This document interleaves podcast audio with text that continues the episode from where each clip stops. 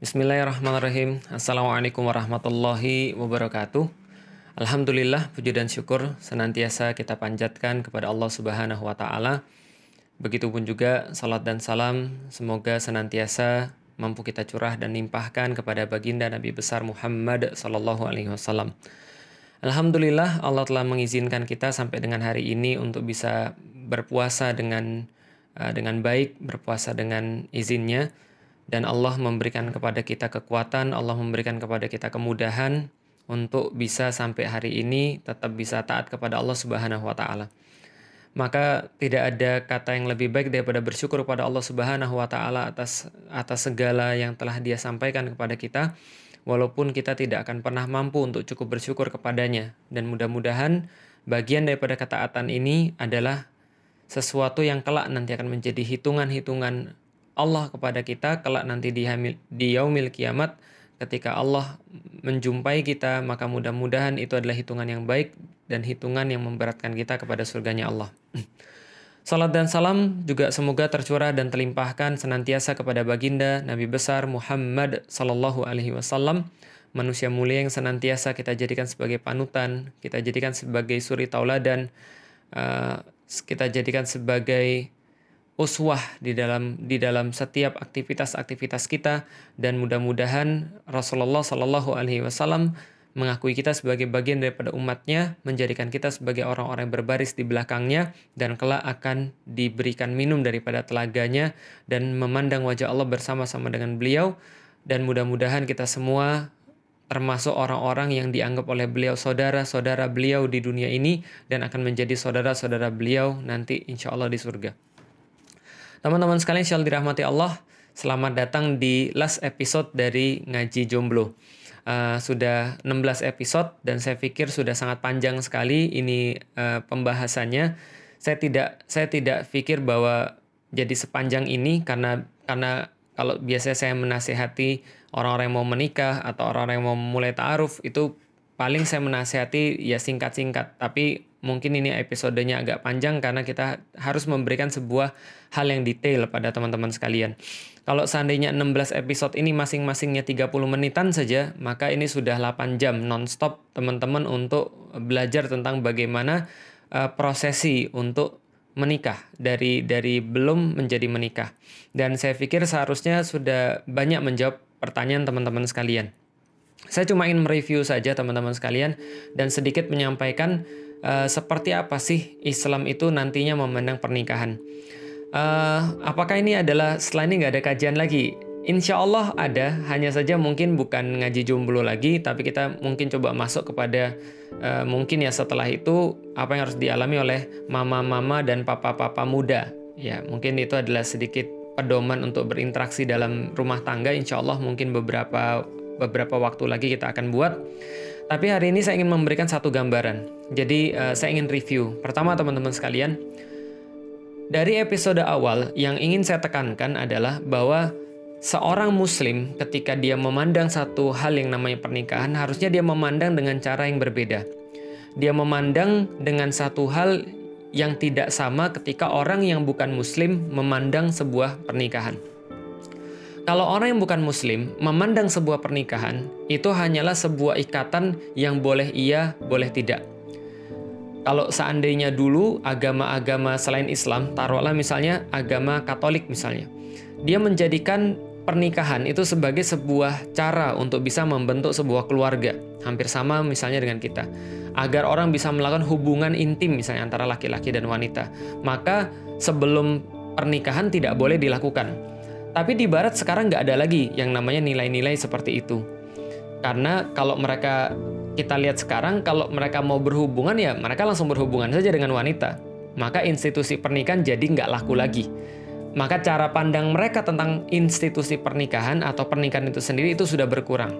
Tapi orang muslim memandang nggak begitu. Orang muslim memandang dari awal bahwa hidup mereka semuanya ini adalah cara mereka untuk bisa kembali kepada kampung mereka. Jadi hidup mereka di dunia ini adalah cara kembali kepada kampung mereka, yaitu adalah hidup yang sebenarnya.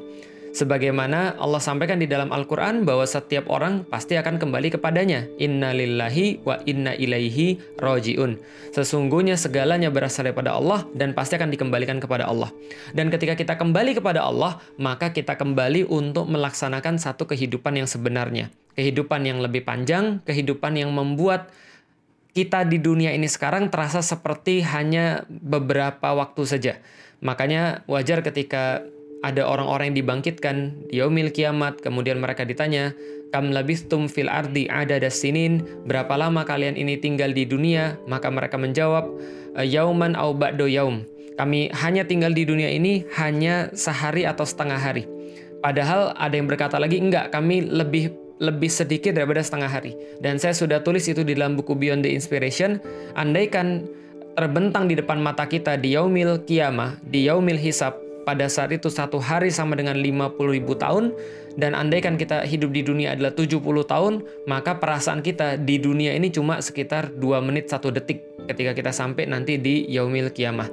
Atau seperti yang pernah saya sampaikan bahwa kalau kita pernah mimpi dan kalau kita mimpi itu pas kita bangun rasanya mimpi itu lama banget. Tapi pas kita sudah bangun pas mimpi itu mungkin rasanya lama, lari, lalu kemudian bertualang ke sini, lalu kemudian ada kejadian ini, ada kejadian segala macam. Tapi pas kita bangun teman-teman sekalian, tiba-tiba itu seolah-olah cuma sekitar potongan-potongan saja, cuma sebentar saja. Itulah perasaan manusia. Saya nggak sedang membahas tentang hidup setelah mati, bukan. Tapi yang saya bahas adalah teman-teman sekalian, Islam memandang sesuatu dengan cara yang berbeda. Maka Islam memandang pernikahan hanyalah sebagai sebuah ibadah di antara ibadah-ibadah yang lain. Kalau andaikan orang-orang punya ibadah sholat, ada ibadah puasa yang sedang kita lakukan sekarang, ada ibadah haji, ada ibadah misalnya zakat, maka pernikahan hanyalah salah satu bentuk ibadah untuk bisa mempersiapkan diri ketika berjumpa dengan Allah Subhanahu wa taala. Maka ketika orang berpikir seperti itu, maka dia punya aktivitas dengan cara yang berbeda. Maka kualifikasi-kualifikasi lalu kemudian uh, kriteria-kriteria, karakteristik-karakteristik yang dia akan cari sebagai seorang istri tentu berbeda dengan orang yang tidak memandang bahwa pernikahan adalah sebagai sebuah ibadah. Salah satu contohnya misalnya, dia tidak akan pernah untuk uh, gambling, untuk cari seorang istri yang nanti bisa menyesatkan dia atau nanti bisa untuk membuat dia jadi ya tidak maksimal dalam beribadah. Atau sebaliknya seorang seorang perempuan, seorang muslimah, dia tidak akan gambling juga untuk cari seorang laki-laki yang laki-laki ini sudah bermaksiat sebelumnya. Misalnya contoh, ada seorang laki-laki yang memacari dia. Yang jelas pacaran kita sudah tahu pasti aktivitasnya maksiat. Saya sudah bahas kemarin-kemarin. Dan ketika dia sudah tahu ini orang bermaksiat, dia sudah tahu ini orang sholatnya jelek misalnya, dia sudah tahu ini orang sangat nggak baik pada agamanya, dia nggak peduli pada Tuhannya, kata-katanya kasar, tapi dia tetap mau. Ini gambling. Maka dia tidak akan melakukan ini kalau dia ngerti bahwa pernikahan adalah sebuah ibadah terlepas daripada sudah saya bilang selain daripada ibadah Allah memberikan banyak sekali kenikmatan-kenikmatan duniawi yang ada pada pernikahan. Ada ketenangan di sana, ada rohmah di sana, ada mawaddah di sana kita sudah bahas. Terlepas itu semua, tapi semua ini adalah bagian daripada ibadah seperti sholat, seperti puasa, seperti yang lain-lainnya. Maka ini pandangan seorang muslim. Ketika kriterianya itu sudah juga ditentukan oleh cara pandangnya, maka filter-filter pilihan dia juga sudah ditentukan.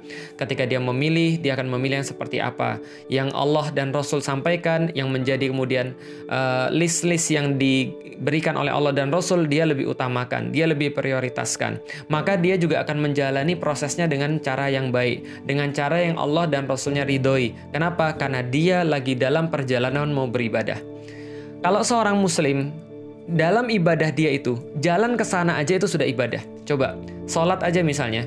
Ada orang mau sholat, dikatakan oleh Rasulullah Shallallahu Alaihi Wasallam orang yang berwudu di rumahnya kemudian pergi untuk sholat maka pergi ke masjid untuk sholat maka dia sudah mendapatkan 25 derajat dalam perjalanan saja. Tidak hanya itu, Rasul berkata, setiap langkah kakinya, satu langkah, maka Allah akan menggugurkan dosa-dosanya. Maka satu langkah lagi Allah akan meninggikan derajatnya. Maka ini adalah baru jalan ke sana saja. Apalagi misalnya kalau ada orang kata Rasulullah ketika dia sudah sampai masjid, kemudian kemudian dia melihat di situ orang sudah sholat, maka kata Rasulullah jangan terburu-buru, berjalanlah seperti biasa, jangan malah kita lari, nggak seperti orang zaman sekarang gitu kan ya. Kalau misalnya dia lihat sudah komat malah dia lari karena nggak mau ketinggalan satu rokat kata Rasulullah biasa saja. Kenapa? Karena jalannya orang ke masjid itu sudah termasuk kayak sholat. Berarti dia nggak boleh tergopoh-gopoh nggak boleh terburu-buru. Nah nikah juga sama. Kalau seseorang tuh sudah memandang bahwa ini adalah bagian daripada ibadah dia kepada Allah Subhanahu Wa Taala maka dia akan merasa bahwa semuanya harus terikat dengan Allah karena Allah yang menjadi tujuan dia ketika melakukan sesuatu. Nah ini harus dia paham maka dia akan melaksanakan kemudian aktivitas-aktivitas khidbahnya dengan baik, ta'arufnya dengan baik, lalu kemudian berinteraksi dengan baik, nggak pakai kholwat, nggak pakai kemudian sayang-sayangan, nggak pakai kemudian ya ya modus-modusan dan segala macam. Kenapa? Karena dia lagi beribadah. Jalan menuju pernikahan adalah bagian daripada ibadah. Dan ketika dia menikah pun dia juga melakukannya dengan cara yang baik. Dia melakukannya dengan cara yang Allah ridhoi, dia tidak bermewah-mewahan, dia tidak memberat-beratkan dirinya, tidak menaruh dirinya di dalam fitnah, pakai ngutang dan segala macam. Dia nggak melakukan seperti itu. Nah, ini adalah yang namanya ibadah. Nah, berkaitan dengan ibadah ini dalam pernikahan saya sedikit menyampaikan saja sebelum nanti saya bahas di uh, di pembahasan yang lain tentang uh, kehidupan rumah tangga mamah dan papah muda. Maka saya coba bahas teman sekalian tentang satu ayat yang ayat ini menjadi pedoman senantiasa bagi seorang laki-laki dan perempuan ketika mereka berinteraksi. Di dalam surat An-Nisa ayat 34 Allah Subhanahu wa taala berfirman, Ar-rijalu qawwamuna 'alan nisa. Sesungguhnya laki-laki itu adalah kawamnya perempuan, adalah kawamnya uh, perempuan. Jadi laki-laki di sini tidak terbatas laki-laki mana pun. Uh, Allah tidak berkata bahwa suami adalah kawam bagi perempuan, tapi Allah berkata semua laki-laki adalah kawam bagi perempuan. Semua laki-laki adalah kawam bagi perempuan. Para ulama uh, tafsir mengatakan kawam ini ada kekaitannya dengan masalah penguasaan ada kaitannya dengan masalah kepemimpinan, ada kaitannya dengan masalah pengurusan.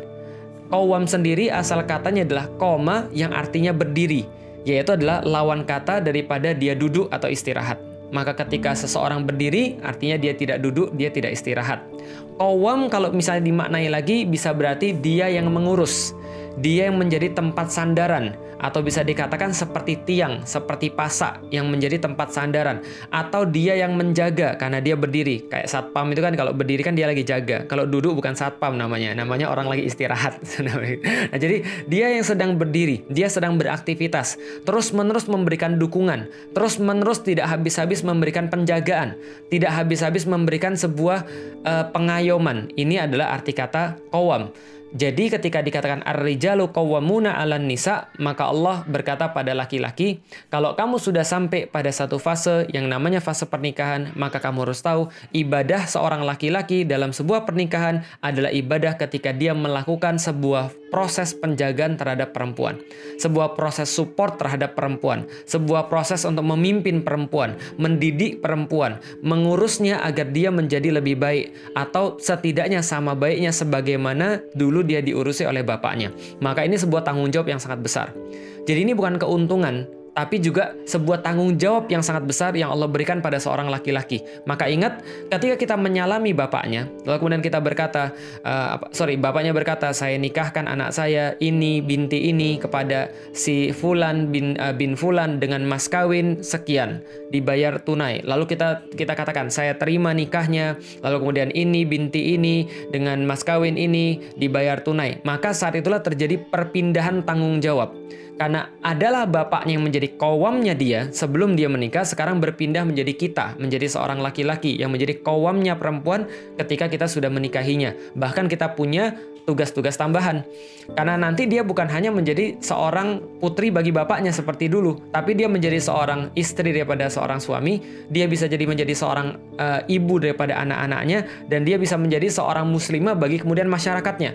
Dan semua itu laki-laki nanti yang menjadi kawam. Maka laki-laki pastikan dia punya kualitas-kualitas menjadi seorang kawam. Menjadi seorang supporters, menjadi seorang pelindung, menjadi seorang apalagi yang yang terus-menerus diharapkan. Jadi seolah-olah gini, kalau sana kita kita lagi ini ya, lagi gempa, apa yang orang katakan kalau lagi gempa cari tiang yang paling kuat duduk di dekat tiang sana. Kenapa? Kalau sana seluruh bangunan jatuh, itu seharusnya tiangnya nggak jatuh Ini adalah yang kita bisa lihat dengan kata-kata qawam. Maka sama seperti kehidupan perempuan, andaikan seluruh dunia ini bisa runtuh, maka suaminya akan senantiasa ada di sana untuk dia. Maka dia senantiasa bisa untuk menemukan suaminya kapan pun dia inginkan dan kapan pun dia memiliki masalah, kapan pun dia memiliki sesuatu untuk diselesaikan. Ini yang disebut dengan ar-rijalu qawwamuna 'alan nisa. Bima fadalallahu ba'dahum ala ba'din. Karena Allah telah melebihkan sesuatu dibandingkan dengan sesuatu. Allah telah melebihkan sebagian dibandingkan dengan sebagian. Para mufasir mengatakan, kenapa dikatakan ar-rijalu qawwamuna 'alan nisa? Karena Allah melebihkan laki-laki dalam pengurusan-pengurusan yang kayak begini. Allah lebihkan kekuatan badannya, Allah lebihkan misalnya kekuatan logikanya, dan nggak perlu merasa tersinggung karena saya nggak pernah bilang bahwa perempuan nggak punya logika. Cuman secara secara fitrah logika laki-laki itu lebih dimainkan karena perempuan lebih jago dalam hal emosional. Maka Allah lebihkan laki-laki di bidang ini dengan di, uh, dengan perempuan. Tapi Allah juga akan lebihkan perempuan di bidang lain dibandingkan dengan laki-laki. Maka Allah melebihkan satu di, dengan yang lainnya. Uh, bima fadalallahu ba'dukum ala ba'din. Sebagaimana Allah telah ba'duhum ala ba'din. Uh, sebagaimana Allah telah melebihkan sebagian yang satu dengan sebagian yang lain. Wabima angfaku min amwalhim dan karena laki-laki itu harus memberikan hartanya untuk perempuan. Jadi ini juga tanggung jawab. Jadi tiga yang tadi Allah katakan ar-rijalu qawwamuna 'alan nisa. Wahai laki-laki, kalau seandainya kamu mau menikah, kamu harus tahu relasimu ketika menikah adalah kamu harus jadi kowam. Bisa jadi kamu belum jadi kowam sebelum kamu nikah, tapi setelah kamu nikah, kamu harus jadi kowam. Kamu harus jadi orang yang tempat dia berharap, tempat dia untuk bisa mencari pertolongan. Hal terakhir yang tidak pernah akan menyakiti dia di dunia ini haruslah seorang suaminya. Kenapa? Ar-rijalu qawwamuna 'alan nisa. Sesungguhnya laki-laki itu adalah kawam bagi perempuan-perempuannya. Berarti seorang suami adalah benteng terakhir ketika dunia menyerah, ketika dunia hancur, ketika dunia sudah kemudian melawan kepada dia, maka dia bisa melawan dunia dengan suaminya. Maka ini adalah ar-rijalu qawwamuna 'alan nisa maka tidak boleh sebaliknya. Yang terjadi malah sekarang kan nggak begitu. Yang terjadi sekarang bisa jadi adalah justru kadang-kadang laki-laki itu suka sekali menyulitkan perempuannya, suka sekali menyulitkan istrinya. Dia bisa jadi berkata kasar, dia bisa jadi eh, berlaku buruk, dia lebih memperhatikan teman-temannya daripada istrinya, dia dia dia tidak pernah merasa cukup dengan istrinya dan seterusnya. Dan kalau ngomong nggak enak gitu kan ya, kalau ngomong misalnya menyakiti dan seterusnya, ini adalah tidak tidak menjadi kawam bagi perempuan yang kedua, bima faddallallahu ba'dahum ala ba'din. Karena Allah telah melebihkan laki-laki terhadap perempuan, maka pastikan ketika laki-laki itu punya kelebihan terhadap perempuan, maka dia menggunakannya untuk kebaikan perempuan tadi. Lalu kemudian wa bima anfaqu min amwalihim. Karena laki-laki itu harus mengeluarkan harta untuk perempuan. Maka perempuan-perempuan itu tidak menjadi kewajibannya untuk mengeluarkan harta maka laki-laki yang harus mengeluarkan harta untuk perempuan. Maka menafkahi istri adalah kewajiban suami, bukan sebuah hal yang harus dibanggakan. Jadi seorang laki-laki nggak boleh bilang begini sama istrinya, kamu itu ya nggak tahu diri, saya tuh sudah ngasih makan kamu tau nggak, kamu nggak tahu balasannya. Salah pak, bukan begitu cara ngomongnya. Tapi itu adalah sebagai sebuah kewajiban. Yang kalau itu tidak terjadi, maka itu ada sesuatu yang masalah. Tapi kalau kewajiban itu dilakukan, menurut orang-orang Arab, Arab la syukron ala wajib, alal wajib. La syukron alal wajib. Tidak ada terima kasih dalam sesuatu yang bersifat wajib. Jadi artinya adalah ketika perempuan ini pun uh, apa namanya? Sorry bukan. Ketika laki-laki ini pun menafkahi perempuan itu, maka dia tidak udah tidak usah mention lagi. Kenapa? Itu kewajiban dia yang kalau dia tidak lakukan malah jadi masalah. Ketika dia lakukan, itu wajar. Karena la syukron alal wajib. Tidak ada terima kasih dalam perkara-perkara yang bersifat wajib. Contoh misalnya, kita itu sholat sama Allah itu sudah kewajiban. jadi kalau kita melakukan sebuah kewajiban, ya kita tidak perlu merasa bangga. Tapi kalau misalnya, contoh kita melakukan hal-hal yang sunnah misalnya. Melakukan hal-hal yang misalnya uh, yang boleh tapi melakukan hal dengan cara yang bagus misalnya. Nah itu baru bisa jadi kita mungkin merasa, wah ini kayaknya ada efek tertentu. Ada sesuatu tambahan. Itu boleh. Tapi kalau dalam kewajiban ya sudah, laki-laki memang wajib untuk memberikan nafkah pada wanita. Wabima amfaku min amwalihim.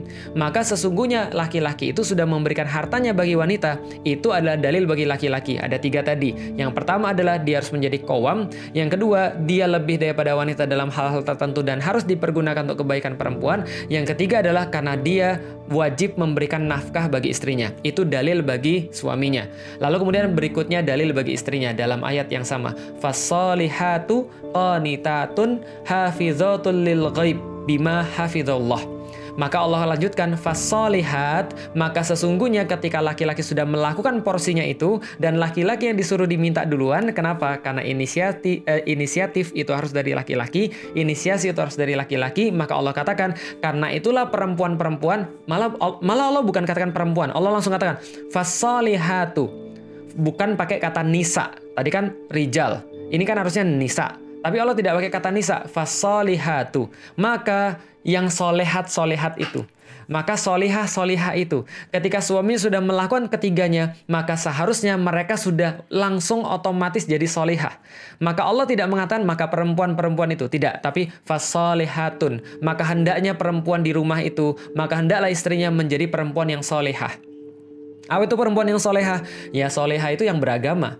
Soleha itu ya yang baik. Tapi sebenarnya soleha bisa kita bisa kita kembangkan lagi. Soleh, solehah itu adalah asal katanya islah, memperbaiki. Artinya dia senantiasa bisa memperbaiki. Dia senantiasa bisa menjadi sumber perbaikan bagi laki-laki, bagi suaminya. Gampangnya begini. Rusak itu ada dua. Ada rusak yang nggak bisa diperbaiki lagi, ada rusak yang masih bisa diperbaiki. Contoh misalnya, vas bunga dilempar dari lantai lantai 10 sampai di bawah berantakan. Itu sudah nggak bisa diperbaiki. Itu bukan itu bukan sesuatu yang bisa dilem lagi. Paham ya? Itu itu tetap rusak dan tetap hancur. It's done. Selesai. Tapi ada yang bisa diperbaiki. Handphone misalnya. Lalu kemudian uh, uh, LCD-nya pecah bukan LCD pecah. Eh, pecah mah nggak bisa diperbaiki tadi ya. Eh, handphone misalnya, ada sesuatu yang salah dalam settingannya sehingga nggak bisa nyala. Ah itu namanya fasad. Itu namanya rusak yang bisa diperbaiki. Nah, kalau seandainya pada satu kerusakan yang bisa diperbaiki, lalu kemudian kita memperbaiki namanya islah.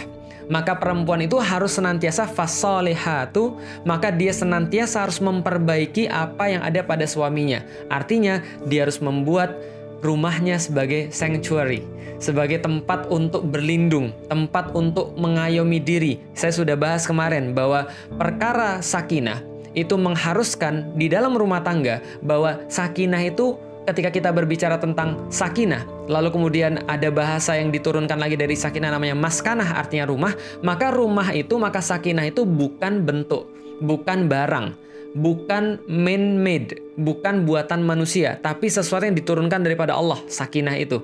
Nah, dan itu yang namanya rumah, yang namanya sakinah, itu bukan fisik, tapi istrinya itulah yang namanya sakinah.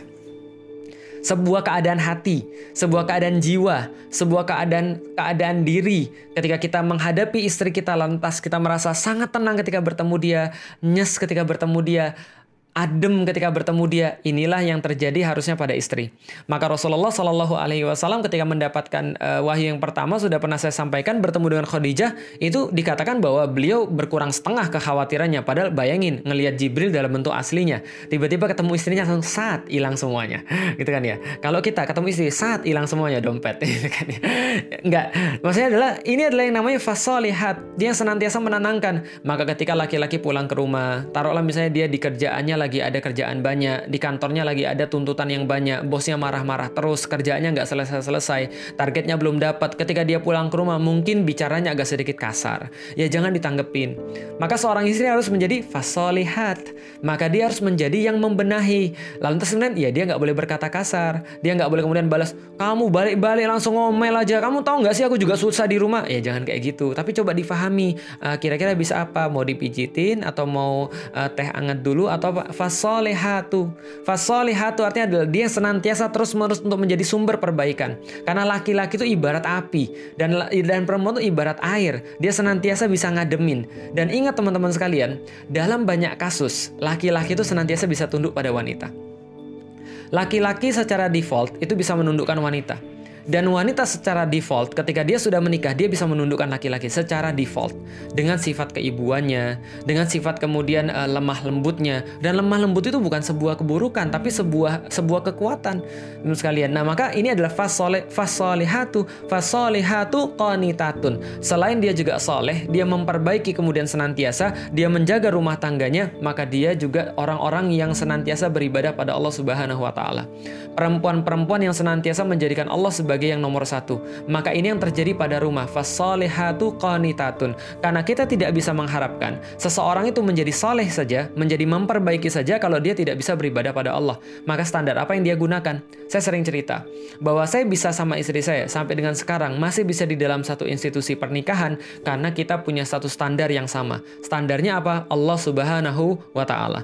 Ketika kita berlainan pendapat dalam satu hal, maka kita coba untuk merujuk ya Allah, kira-kira kami harus gimana? Kira-kira kami harus berbuat apa? Kira-kira kami harus melakukan apa? Maka kalau perempuan harus dilakukan begini, dia akan melakukan itu bukan hanya karena dia uh, sayang sama suaminya, tapi karena dia taat pada Allah Subhanahu wa taala. Karena teman-teman tahu sehebat apa pun sakofah seseorang, sehebat apa pun ilmu agama seseorang, sehebat apa pun kemampuan orang dalam agama, tapi ketika dia sudah marah sama istrinya atau istrinya marah kepada dia, maka yang bermain bisa jadi cuma kecerdasan emosional. Maka yang bermain adalah bukan hanya uh, bukan hanya ilmu, tapi gengsi. Nah, ketika gengsi itu mau nggak dia untuk menyerahkan gengsi itu kepada Allah? Mungkin di saat itu dia merasa suaminya menyebalkan atau istrinya menyebalkan, tapi dia merasa tetap Tuhan kita adalah Allah. Maka aku berbuat begini nih, aku minta maaf sama kamu nih, bukan karena kamu aja, tapi aku berbuat begini karena Allah. Harus ada sesuatu yang menjadi patokan. Wa qanitatun solihatun qanitatun. Ini adalah sorry, solihat fasolihatu qanitatun. Dan orang dan perempuan-perempuan yang soleh itu dan mereka juga yang senantiasa beribadah pada Allah. Hafizatul lil ghaib dan mereka senantiasa menjaga. Menjaga apa? Menurut para mufassir, menjaga yang goib. Menjaga sesuatu ketika suaminya nggak ada. Apa yang dijaga? Yang dijaga adalah kehormatan suaminya dan harta suaminya serta kemuliaan suaminya. Dengan cara menjaga kehormatan dirinya dan menjaga kemuliaan dirinya. Dia nggak minta orang masuk kalau suaminya nggak suka. Ketika misalnya ada yang bertamu dan itu adalah laki-laki yang yang kemudian suaminya nggak suka, dia nggak boleh. Dan ya memang nggak boleh juga kalau saya berkholwat. Kalau seandainya ada sesuatu yang suaminya nggak suka, dia nggak lakukan. Suaminya nggak suka, dia pergi ke tempat sesuatu, dia juga nggak lakukan. Suaminya nggak senang ketika dia berlaku sesuatu, dia nggak lakukan. Contoh misalnya, istri saya bilang pada saya, ini contoh. Dan dan sekali lagi suami berbeda-beda. Dan kalau saya secara pribadi, saya pernah ditanya sama istri saya, Abi, gimana kalau seandainya nanti Umi ikut bareng-bareng sama teman-teman untuk habis nganterin uh, sekolah anak-anak, lalu kemudian ada makan-makan. Saya bilang enggak, karena itu bukan bukan bukan gaya hidup kita. Itu bukan lifestyle kita. Jadi jangan lakukan karena saya nggak suka. Saya nggak mau kamu termasuk orang-orang yang ngumpul di antara ibu-ibu dan kemudian melakukan hal itu dan itu keterusan. Saya nggak mau. Saya maunya kamu setelah ngantar anak-anak ya kamu pulang. Setelah kamu pulang kamu siapin kemudian apa yang menjadi kewajibanmu di rumah. Karena kalau saya uh, pulang ke rumah sebaiknya kamu ada. itu bukan ancaman, tapi itu adalah sebuah sebuah pengibaan. Kenapa? Karena kalau saya pulang dia nggak ada, saya galau. Karena sudah saya sampaikan, sakinah itu adalah lawannya galau. Sakinah itu lawannya bimbang. Sakinah itu adalah lawannya bergejolak. Sakinah itu lawannya ya hampa. Itu lawannya sakinah. Maka saya nggak mau. Karena saya maunya sakinah, maka dia harus menjadi fasalihatu qanitatun hafizatul lil ghaib. Maka dia harus menjadi orang yang menjaga. Apa? Menjaga segala sesuatu yang tidak disukai oleh suaminya. Karena kenapa? Karena suaminya sudah melakukan porsinya dia, maka dia pun melakukan porsinya dia. Oke teman-teman sekalian, jadi ini adalah satu prinsip yang perlu saya sampaikan. Dan ini prinsip ini penting sekali. Dan ini bukan hanya prinsip dalam rumah tangga sebenarnya, tapi prinsip menjadi seorang muslim. Dan ini sangat berpengaruh dalam rumah tangga dan menjadi semacam rahasia dalam rumah tangga juga. Jadi gini teman sekalian, Islam itu menurunkan Al-Quran untuk menjadi petunjuk bagi manusia, bukan untuk nunjuk orang lain, bukan untuk anda gunakan untuk mengintimidasi orang lain karena Anda tidak mengatur manusia. Anda nggak berhak mengatur manusia, sebagaimana Anda nggak berhak mengatur saya, dan saya pun nggak berhak mengatur teman-teman sekalian. Maka dari tadi yang kita sampaikan adalah bagaimana ayat Allah mengatur kita. Berarti kita harus menempatkan Al-Quran ini menjadi pengatur daripada manusia. Maka jangan kita sama sekali gunakan ayat Al-Quran ini kecuali adalah menunjuk kepada diri kita sendiri.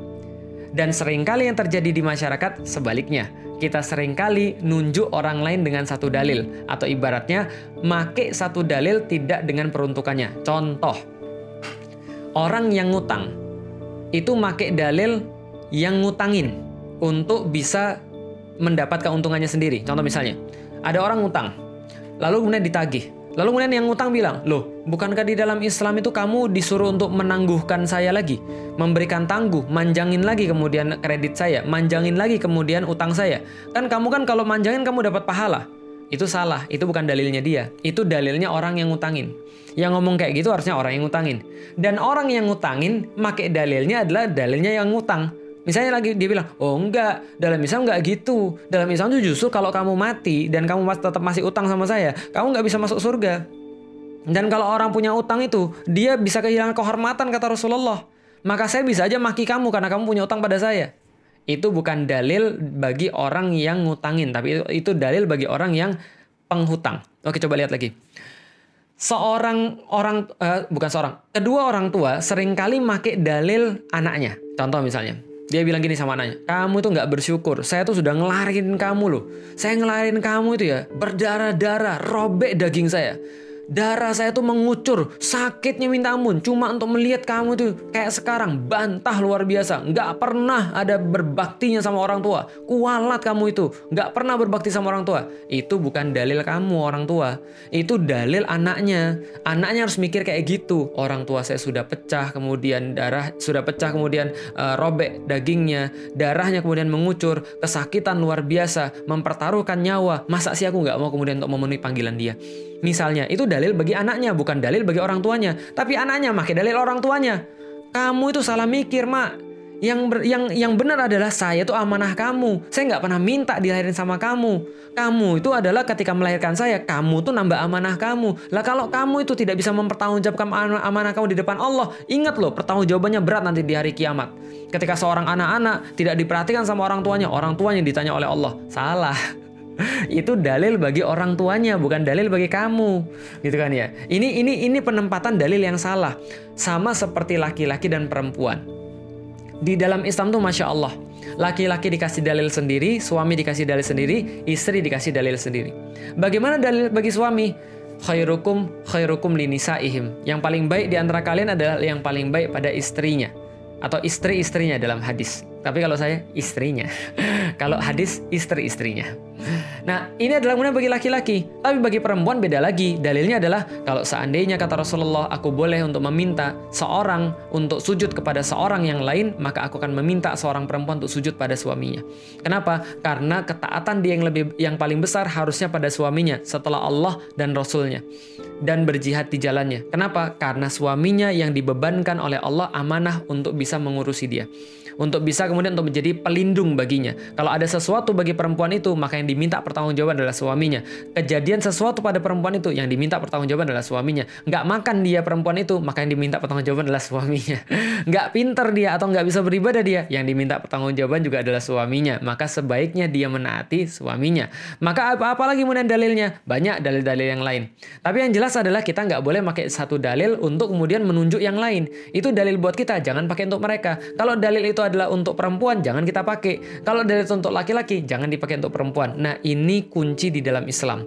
Maka kalau kita sudah bahas tadi, bagi laki-laki adalah ar-rijalu qawwamuna 'alan nisa, maka inilah tugas laki-laki harus dia laksanakan. Dan bagi tugas perempuan fasalihatu qanitat fasalihatu qanitatun hafizatul lil ghaib, maka itu adalah dalil buat dia dan jangan kemudian dia gunakan dalil itu buat buat laki-laki. Jadi jangan sampai seorang seorang perempuan bilang gini, "Kamu itu kan memang sudah seharusnya menafkahi saya." Ya? Kenapa kamu itu rese banget nggak us jangan bilang itu. Ya harusnya itu adalah dalil bagi laki-laki. Itu kewajiban dia untuk menafkahi perempuan. Tapi perempuan mikir karena dia sudah menafkahi saya karena dia sudah memberikan yang terbaik pada saya maka saya seharusnya menjadi solehat. Bagi laki-laki jangan ngomong kamu tuh harusnya jadi solehat dulu. Aku tuh nafkahi orang. Memang betul aku wajib menafkahi orang. Tapi kan yang wajib dinafkahi yang solehat. Kamu kan nggak solehat. Nggak boleh juga gitu. Itu bukan dalil antum. Maka rumah tangga akan berada dalam kebaikan selama kita sama-sama menempatkan diri menjadi hamba Allah Subhanahu wa taala bukan menempatkan diri menjadi pengontrol daripada yang lainnya atau pengendali daripada yang lainnya atau yang menguasai daripada yang lainnya. Karena cukup Allah yang menguasai kita. Cukup Allah yang kemudian membolak-balikkan hati kita. Sedangkan kita hanya melakukan yang terbaik yang Allah perintahkan kepada kita. Kalau Allah perintahkan untuk ngurusin perempuan, kita urusin. Kalau Allah perintahkan untuk bisa melindungi perempuan, kita uh, kita lindungi. Kalau Allah perintahkan kita untuk menafkahi perempuan, kita nafkahi. Dan itu adalah kewajiban yang Allah perintahkan bukan karena perempuan itu saja, bukan karena karena istri itu saja, tapi karena Allah Subhanahu wa taala. Nah, maka ini harus kemudian kita kita kita siapkan ketika sebelum pernikahan dan saya pikir kalau saya teman-teman sudah uh, cerdas dari dari semua tiga itu cerdas secara agama, cerdas secara emosional, dan cerdas secara finansial, insya Allah mudah-mudahan selamat untuk menikah, selamat untuk menjalani hidup yang baru, selamat untuk memasuki babak baru dalam kehidupan, fase baru yang insya Allah di sana menanti banyak sekali ujian-ujian, dan itu berarti menanti juga banyak pahala-pahala yang telah disiapkan oleh Allah Subhanahu wa Ta'ala dan kenikmatan-kenikmatan yang nanti akan membawa kepada kebaikan-kebaikan. Baik, makasih teman sekalian. Insya Allah nanti besok kita akan adakan uh, semacam tanya jawab kalau jadi. Nanti saya akan uh, tadi saya sudah lihat banyak sekali yang sudah bertanya, tapi mohon maaf saya nggak bisa jawab ketika lagi live begini karena saya ada satu materi yang harus saya sampaikan pada teman-teman sekalian. Besok mudah-mudahan kalau sehat nanti insya Allah kita akan buat Q&A khusus diskusi karena kalau sana sudah materi itu kan diskusi. Nanti kita akan diskusikan ada beberapa pertanyaan-pertanyaan yang mungkin akan kita tampilkan, tapi uh, terang saja nggak mungkin semuanya dan uh, mungkin kita akan lakukan satu atau dua sesi. Kalau enggak nanti kita adakan satu sesi dulu atau mungkin nggak sama sekali. Lihat aja nanti besok seperti apa. Nanti akan saya kabari via uh, via story juga. Dan uh, berikutnya lagi kita akan ngadain satu materi lagi. Materinya saya ambil dari buku wanita berkarir surga. Jadi kita akan bahas tentang bagaimana uh, pandangan Islam tentang perempuan lalu kemudian bagaimana ketika interaksi perempuan dan laki-laki kita akan bahas dalam uh, dalam kajian online yang berikutnya. Dan saya coba cari cara untuk bisa nampilin uh, presentasi supaya teman-teman juga bisa ngambil datanya. Tapi kalau nggak bisa ya paling saya edit baru nanti saya munculin di YouTube. Itu aja teman-teman sekalian. Kalau ada yang salah saya mohon maaf dan uh, kalau ada yang baik hanya berasal daripada Allah Subhanahu wa taala dan kalau teman-teman sekalian merasa bahwa materi-materi ini ada manfaatnya, saya tidak bosan untuk mengingatkan pada teman-teman sekalian karena baik itu nggak bisa sendiri teman-teman sekalian. Karena baik itu susah banget kalau sendiri. Tapi kalau andaikan teman-teman bayangkan semua orang sudah punya pandangan yang sama tentang pernikahan, maka chance teman-teman sekalian untuk dapat orang baik itu chance-nya semakin besar. Maka kalau ada kebaikan dalam materi ini, dalam 16 kali pertemuan ini, boleh teman-teman untuk sharing kepada yang lain, kasih tahu pada mereka, setidaknya mereka punya gambaran, oh ternyata Islam punya satu view terhadap yang namanya pernikahan yang perlu mereka ketahui sebelum mereka masuk ke dalamnya. Jadi itu aja, mudah-mudahan kita semua bisa diberikan oleh Allah kebaikan senantiasa. Ada yang salah saya mohon maaf, ada yang baik hanya berasal daripada Allah Subhanahu wa taala. Assalamualaikum warahmatullahi wabarakatuh.